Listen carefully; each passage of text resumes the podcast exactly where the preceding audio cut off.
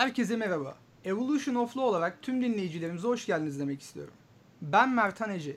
Bugün Bahçeşehir Üniversitesi'nden Sayın Hocam Doçent Doktor Didem Yılmaz ile birlikteyiz. Sayın Hocam öncelikle hoş geldiniz. Hoş bulduk Mertan. Ee, evet hocam ben sizi yakından tanıyorum. Derslerinizde anayasa hukukunu fakülteye yeni gelen bana e, ve hatta koca bir fakülteyi sevdirdiniz, öğrettiniz. Dinleyicilerimiz için kısaca kendinizi tanıtabilir misiniz? Tabii. E, söylediğin gibi Didem Yılmaz, Bahçeşehir Üniversitesi Hukuk Fakültesi Anayasa Hukuku Anabilim Dalı'nda öğretim üyesiyim. E, 2011 yılından beri e, Bahçeşehir Üniversitesi'nde çalışıyorum. E, çalışma alanlarım seçim, e, e, muhalefet, daha ziyade yasama, yasama organına bağlı e, oluşumlar, işlevler benim çalışma alanım içine giriyor. Evet. Teşekkür ederim hocam. Ben öncelikle bugünkü podcast'imizin konusunu söyleşimizi anlatmak istiyorum dinleyicilerimize. Ee, sevgili dileyenleri kısaca aktarmak için ilk olarak bilindiği üzere İstanbul Sözleşmesi'nden 19 Mart gecesi geri çekilildi. Bu konu hakkında sosyal medyada, belirli kurumlarda ve halkımızda genel olarak haklı bir tepki oluştu. Özellikle son dönemlerde maddeleri tartışılmış, hakkında haklı veya haksız söylemlerde bulunulmuştu. Bugün söyleşimizde Türkiye'nin İstanbul Sözleşmesi'nden Cumhurbaşkanı kararıyla çıkarını konuşacağız. Ben öncelikle kısaca İstanbul Sözleşmesi'nden bahsetmek istiyorum. Tam adı kadına yönelik şiddet ve aile şiddetin önlenmesi ve bunlarla mücadeleye dair Avrupa Konseyi Sözleşmesi'dir. 11 Mayıs 2011 tarihinde İstanbul'da imzaya açılmıştır. 1 Ağustos 2014 tarihinde ise yürürlüğe girmiştir. İstanbul'da imzaya açılması sebebiyle de bu şekilde isimlendirilmiştir. Ayrıca kadınlar konusunda kadınlara yönelik her türlü şiddete karşı hukuki çerçevede detaylı bir koruma sağlayan ilk uluslararası belge niteliğindedir. Sözleşme çeviri bir metin değildir. Türkiye'nin kurucu üye olduğu Avrupa Konseyi'nin bir sözleşmesidir. Sözleşmenin yazım aşamasında yazımı öncelik eden Avrupa Konseyi Parlamenter Meclisi'nin Kadın ve Erkek Fırsat Eşitliği Komisyonu Başkanı da ülkemizden biridir. Sözleşmeyi kaleme alan 8 kişilik komitede bir Türk akademisyen bulunmaktadır. Ülkemizdeki tüm kadın STK'ları da bu sürece dahil olmuştur. Mevlüt Çavuşoğlu ise tüm süreci takip eden siyasetçilerdendir. Hocam ben bu bilgileri dinleyicilerimize vermek istiyorum ki sözleşmenin başlangıcı hakkında ne yolla, hangi amaçla ve kimler tarafından hazırlandığı açık bir şekilde ortaya koyulabilsin. Çok iyi yaptın Mertan. Şimdi konumuza e, gelmek istersek hocam ben şunu çok merak ediyorum. Zaten e, aslında biraz daha konumuz Cumhurbaşkanı kararı ve sonraki süreç aslında ama İstanbul Sözleşmesi'ni ne yazık ki e, okumayan, maddelerine bakmayan, sosyal medyada, haberlerde veya kulaktan dolma bilgilerle e, fikirlerini beyan eden çok fazla insan var. Hocam İstanbul Sözleşmesi temelde tam olarak neyi sağlıyordu? Bize kolaylığı neydi?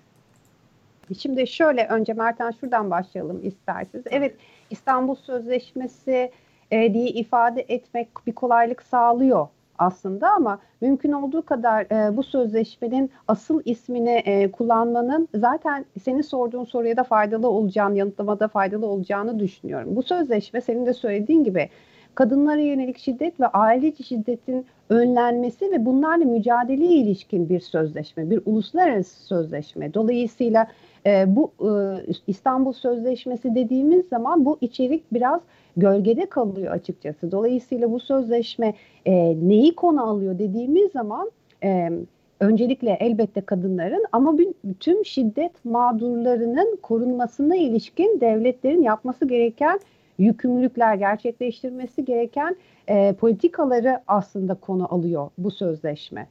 Ben şeyi de merak ediyorum aslında. İstanbul Sözleşmesi ile ilgili sıkıntılar genel bazda şunlar. İşte cinsel yönelim o e, maddedeki bir ona atıf olarak işte eşcinsellikten bahsediliyor. Aile içi şiddete işte e, kadın erkek eşitsizliği durumlarından bahsediyor. Yani Evet. Bunların ben siyasi olarak veya işte politika olarak çıkarımlarından bahsetmiyorum. Ben temelde bir vatandaş olarak şunu merak ediyorum. İstanbul Sözleşmesi diye bir şey var. Ya işte bu bize dışarıdan da yapılıyor şu veya bu veya faydalı diyen çok fazla insan var. Yani ben e, bir kadın olarak, bir erkek olarak, bir çocuk olarak ya ben ülkenin bir vatandaşı olarak İstanbul Sözleşmesi'ni tam olarak nerede devreye sokabiliyorum, kullanabiliyorum?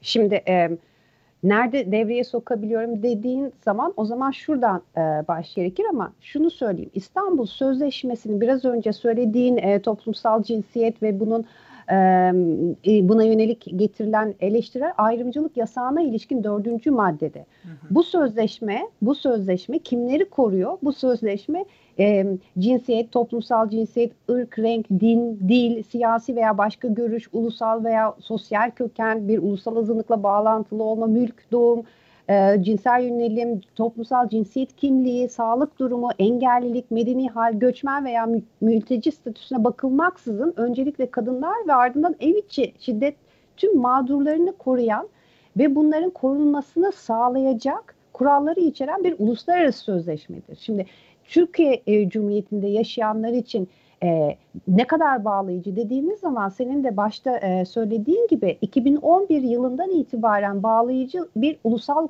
kural haline gelmiştir.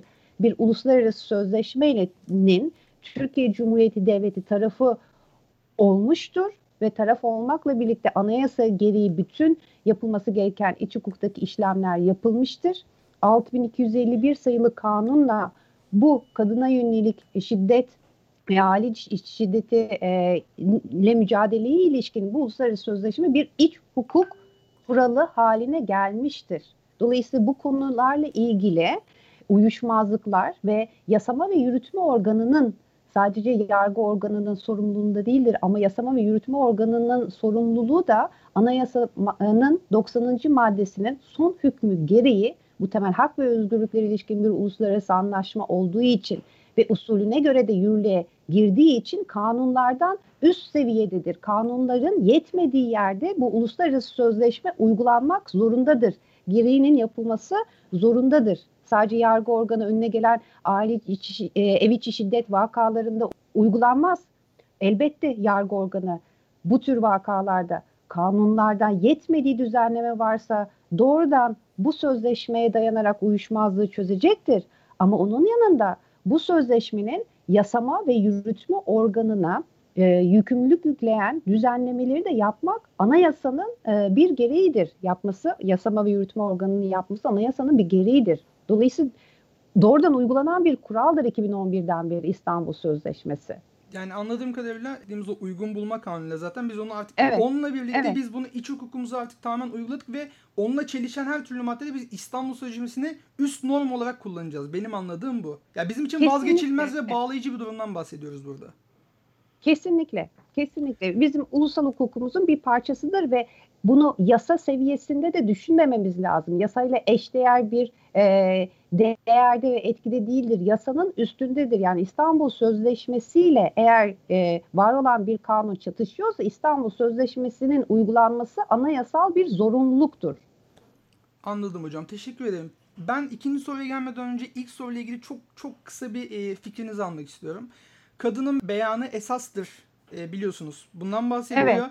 Bununla ilgili de hani kadının beyanı esastır da ya acaba burada bir hani okuduğum e, tepkilerde gördüğüm şey yazıyor daha çok. İşte kadının beyanının esas olması bu direkt olarak bahsedilen bir durum. Burada işte acaba biraz eşitsizlik mi diye yaklaşanlar var. Bunu açıklığa çok kısaca kavuşturabilir misiniz acaba? Şimdi kadının beyanı esastır derken de zaten bu e, aile içi şiddete ilişkin başvurularda delil olarak kadının beyanının esas alınması kuralı söz konusudur. Grevio raporunda 2018 yılında şimdi şöyle söyleyelim. Bu kadınlara yönelik şiddet ve aile içi şiddetin önlenmesi ve bunlarla mücadeleye ilişkin bu sözleşme e, bir uzmanlar komitesi kurmuştur. Grevio adı altında kısaltılan bir uzmanlar. Bu uzmanlar komitesi diyelim 2018 yılında Türkiye hakkında bir rapor hazırlamıştır. Oldukça uzun bir rapor. Bu raporda zaten onu e, vurgulamaktadır kadının beyanını şiddetli mağdur olan kadının beyanının esas alınması ve onun e, korunması e, süreçlerinin bu beyana göre başlatılmasının e, güçlendirilmesi gerekir der Grevio raporunda. Demek ki 6284 sayılı kanun yeterli değil ki, hı hı. yeterli değil ki bu sözleşmeye dayanarak kabul edilen kanundur. Grevio raporunda Türkiye'deki uygulamanın güçlendirilmesi ve beyanın esas alınması gerektiğine vurgu yapılmıştır. Yani ben o e, genel gördüğüm bazı işte hani beyanı esaslı veya diğer aslında bunlar biraz daha politik söylemler tartışmalar konusunda ama daha net açıklamak için e, bilgilerin için çok teşekkür ederim. Ben ikinci soruma geldiğimde şunu e, aslında merak ediyorum. Sosyal medyada haber sitelerinde ilk bu olay olduğunda 19 Mart gecesi 20 Mart'ta bağlayan gece e, şunu görmüştüm. Bu işlemin en azından hukukçular için açıklamak adına bir cumhurbaşkanı kararı olduğunu gördüm. Ancak çoğu insan işte Cumhurbaşkanı kararnamesidir bu ve benzeri e, durumlardan bahsediyordu. Şimdi ben ikisi arasında bildiğim fark şu. Danıştay ve Anayasa Mahkemesi farkı. Ya bize e, bu yanlış yazılan veya işte haber sitelerinde yanlış bahsedilen Cumhurbaşkanı kararı ve kararnamesi arasındaki farkı sonraki aşamada soracağım başvuru aşaması adına bizlere kısaca açıklayabilir misiniz? Tabii. E, elimden geldiğince kısa ve öz olarak açıklamaya çalışacağım. Ama e, belli bir takım haliyle e, normatif düzenlemeleri de değinmek zorundayım bu açıklamayı yapmak için. Şimdi Mertan, e, biliyorsun 2017 yılında bir anayasa değişikliği oldu. Evet hocam. Bu 2017'deki anayasa değişikliği özellikle yürütmenin yapısını ve işlevine e, odak alan bir anayasa değişikliğiydi. Dolayısıyla öncelikle şunu söylemek istiyorum.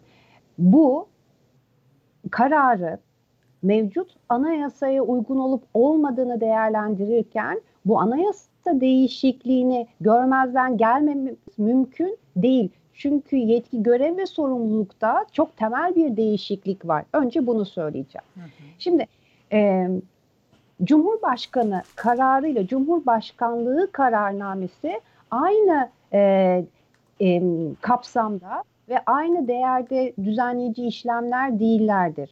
Cumhurbaşkanlığı kararnamesi anayasanın belirlediği çok çok çok sınırlı konularda ancak Cumhurbaşkanına e, kanun seviyesinde yani anayasa altı asli bir düzenleme yetkisi tanınmaktadır. Çok sınırlı bir şekilde. Hı hı.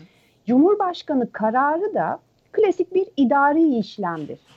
Dayanığı ya kanun ya da belli o sınırlı konular bakımından Cumhurbaşkanlığı kararnamesi olur.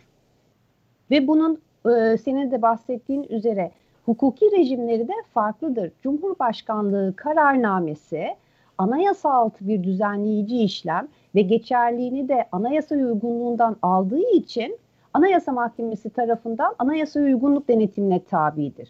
Cumhurbaşkanı kararı geçerliğini kanun ya da Cumhurbaşkanlığı kararnamesine uygunluğundan aldığından onun denetim yeri de idari yargıya aittir. Danıştay Kanunu'nda anayasa değişikliği sonrası değişiklik yapıldı ve Cumhurbaşkanı kararının idari yargı denetiminin Danıştay tarafından yapılacağı söylendi.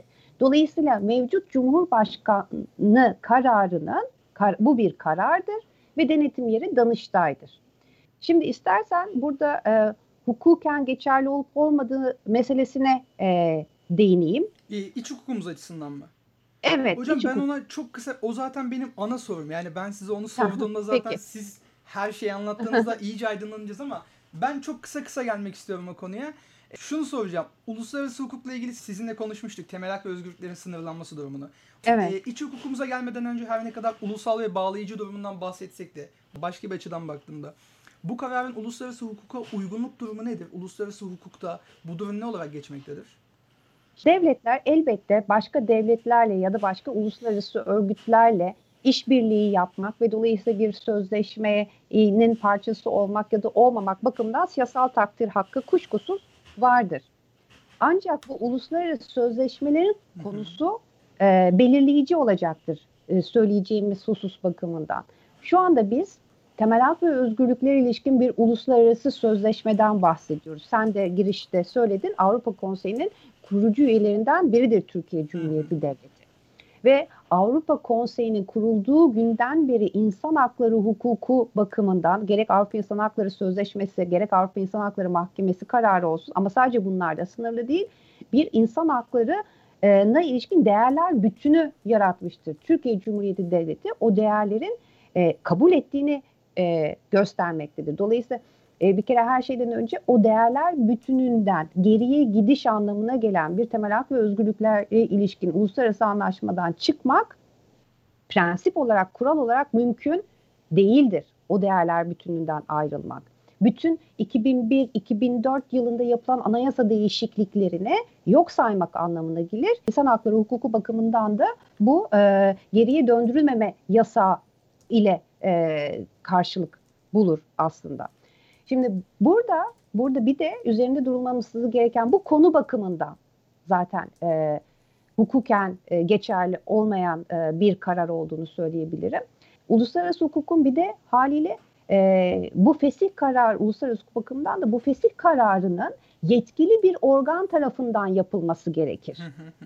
Ben şunu bir uluslararası Evet. Sözünüzü keserek şöyle hatırlıyorum ben İstanbul Sözleşmesi maddelerine baktığımda İstanbul Sözleşmesi madde 80'de e, taraf devletlerden birinin fesih durumunu e, Avrupa Konseyi Genel Sekreterliğine bildirmesi gerekiyor. Bunu hatırlıyorum.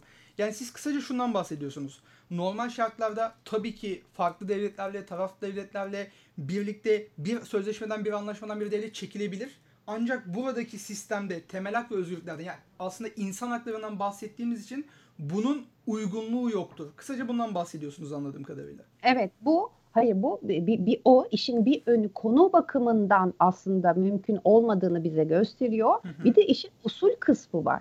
Şimdi bir sözleşmede elbette bir sözleşme sonuç itibariyle süre bakımından sınırsız olması düşünülemez. Elbette taraf devletler çekilme iradelerini, siyasi iradelerini kullanmak isteyebilirler. Ama bunu kullanabilmeleri için de yetkili organ tarafından yapılması lazım.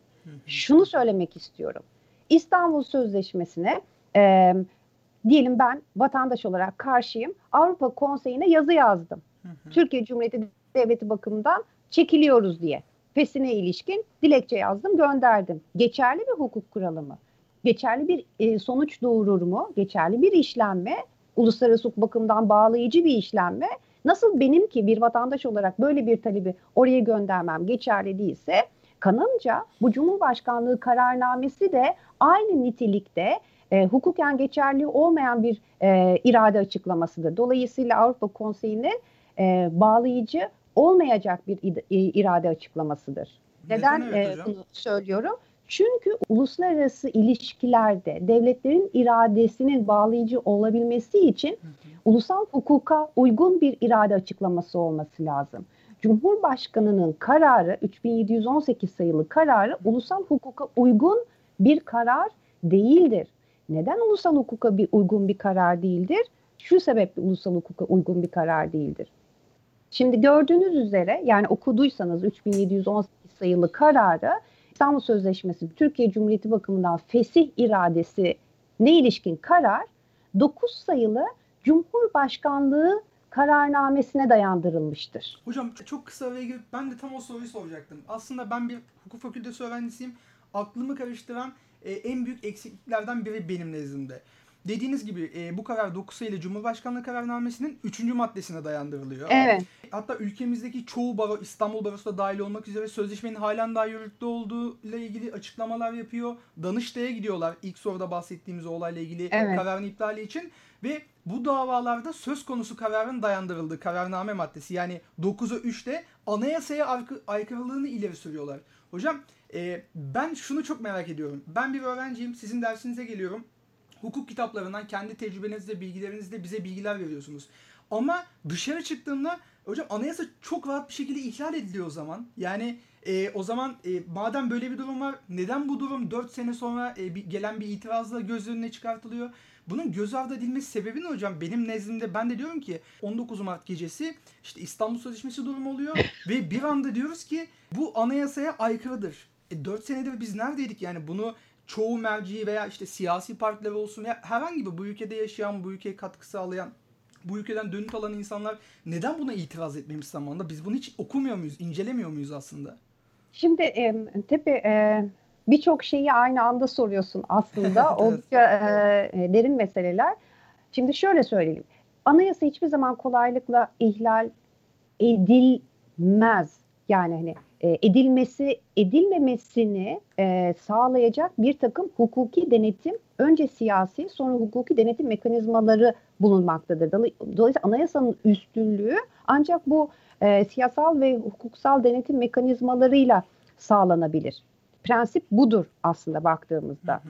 E, niçin var? Bütün anayasacılık e, hareketlerine baktığımız zaman e, bu modern anayasa dediğimiz ana- anayasa siyasal iktidar sınırlan Montesquieu'yu hatırla mutlaka Tabii ki de, derslerde tabii ki de den hocam. hatırlarsın. Sonuç itibariyle 250 yıl önce söylemiş e, Montesquieu.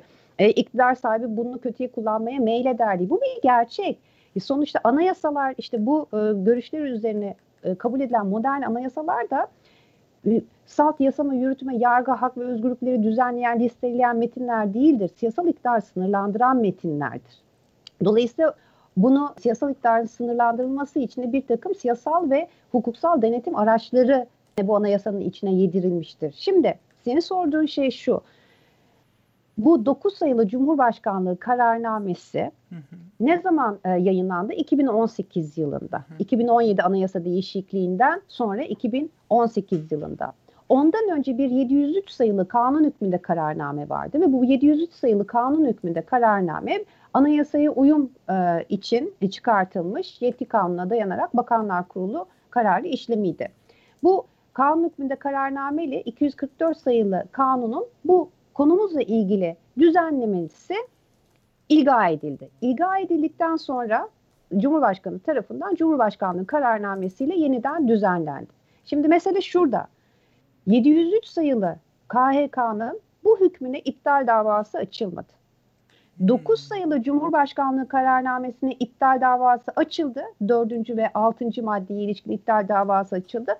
3 sayılı maddesine iptal davası açılmadı. Şimdi sınırlı olarak yaklaştığımızda tabii Anayasa Mahkemesi'nde iptal davası açma yetki ve sorumluluğu tanınmış olan yani siyasal partiler ve 1 bölü 5 oranında milletvekilinin hı hı.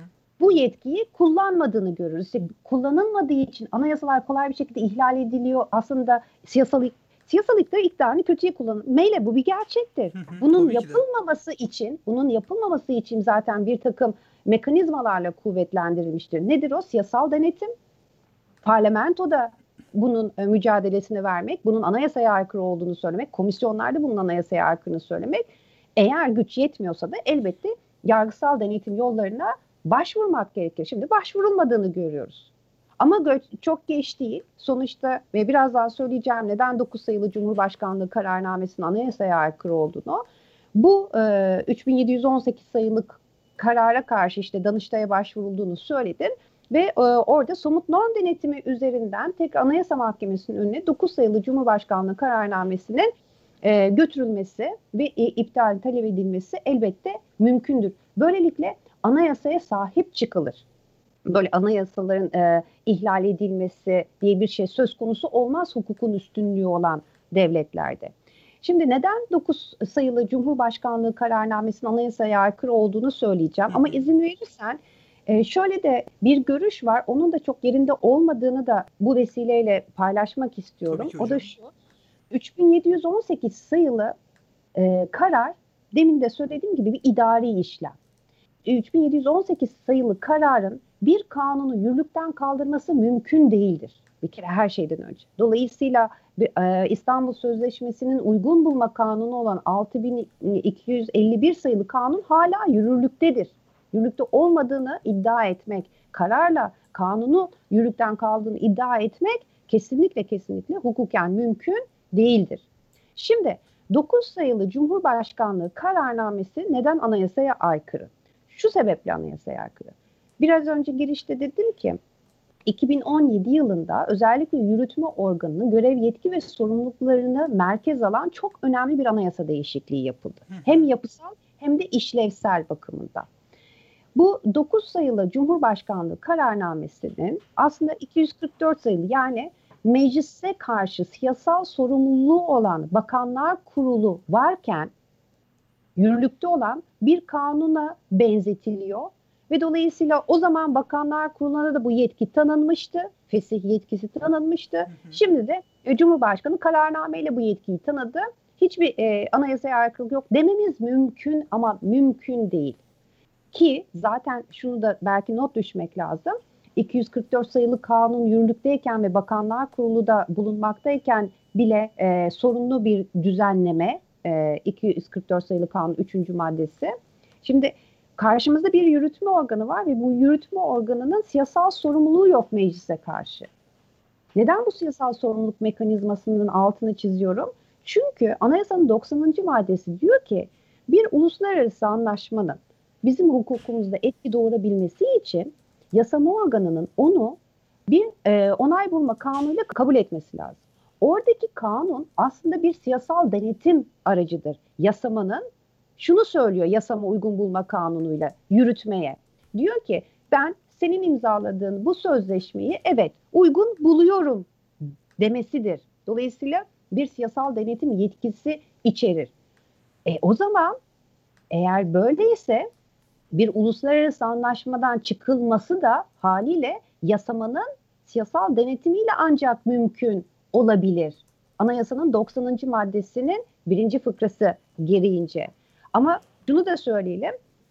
Anayasada bir takım uluslararası anlaşmalar bakımından işte mali yük getirmeyen, süresi bir seneyi aşmayan uluslararası anlaşmaların uygun bulma kanunu gerek kalmadan iç hukukta etki doğurabileceğine ilişkin bir açık kapı bırakmıştır.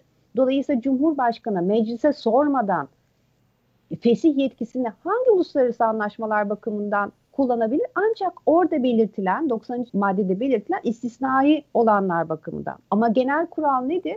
Bir uluslararası anlaşmaya ilişkin yükümlülüklerin başlaması ya da yükümlülüklere son verilmesi tek başına yürütmenin iradesi ile belirlenemez. Bunda yasamanın da siyasal denetiminin mutlaka olması lazım. Çok kısa sizin demek istediğiniz yani benim nezdimde şu. Yasamanın ve yürütmenin belli başında ya kendilerine dair ayrı ayrı belirli sorumlulukları var, görevleri var. Ee, yani 9 sayılı Cumhurbaşkanlığı kararnamesi diyoruz burada. Ben çok kısaca ondan bahsetmek istiyorum. Uluslararası sözleşmelerle ilgili genel olarak hükümlerinin uygulanmasını durdurma ve bunları sona erdirme yürütmeye aittir. Burada bahsedilen kararnamedeki durum budur. Anayasamızda evet. bahsedilen durum sizin dediğiniz gibi o yüzden bunun hukuka uygunluğu bizim şu an tartışmamız bile aslında yerinde bir durum değil. Anladığım kadarıyla. Kesinlikle. Kesinlikle. İşte buradaki e, dikkat edilmesi gereken mesele şu. Ya yürütme organı yetkisine bir değişiklik yok ki denmesi mümkün değil. Hele 2017'den sonra denmesi mümkün değil. Bunu dediğimiz zaman, bunu dediğimiz zaman parlamentonun bütün yetkisini ortadan kaldırmış oluyorsunuz. Ve de özellikle konumuz açısından bakıldığında İstanbul Sözleşmesi'nin biraz önce söylediğim o Grevio raporu, Grevio raporu sözleşme düzenlemesine göre bir an önce meclislere sunulması gerekir. Yürütme organları bu uzmanlar kurulunun e, hazırladığı raporu yasama organına sunması gerekir. Neden? Çünkü o raporda işte e, yapılması gereken düzenlemeler, aynı zamanda e, alınması gereken politikalar, yap, gerçekleştirmesi gereken politikalar ve alınması gereken tedbirleri de belirtir. Böylelikle yasama organı bir sözleşmenin gereğini somut, somutlaştıracaktır ama aynı zamanda ne yapacaktır? Yürütmeyi Grevio raporundaki belirtilen hususları gerçekleştirdi mi, gerçekleştirmedi mi diye denetleme yetkisine sahiptir. Sözleşmeyi feshetmek demek meclisin bir sözleşmeyi fesih edip edilmemesine ilişkin iradesini tanımamak demek. Hı hı. İki, uluslararası hukuktan doğan sorumluluğunu, meclise ait olan sorumluluğu yerine getirmesini engellemek demektir. Hmm, bu yani hukuka şeyin yanında bu genel bazda bir problem aslında. Hocam bu aslında geleceğe yönelik olarak Yasam, da büyük bir problem. Tabii yasamanın yetkisini devre dışı bırakmaktır. Hükmü kalmıyor. Bu zaten asıl problem. Hocam değerli bilgileriniz için çok teşekkür ederiz. Ee, evet sevgili dinleyenler ilk partımızın sonuna geldik. İkinci partımız 28 Mart Pazar günü yayınlanacaktır. Evolution of Law PC Instagram hesabından bizleri takip edebilirsiniz. Sağlıkla ve hukukla kalın.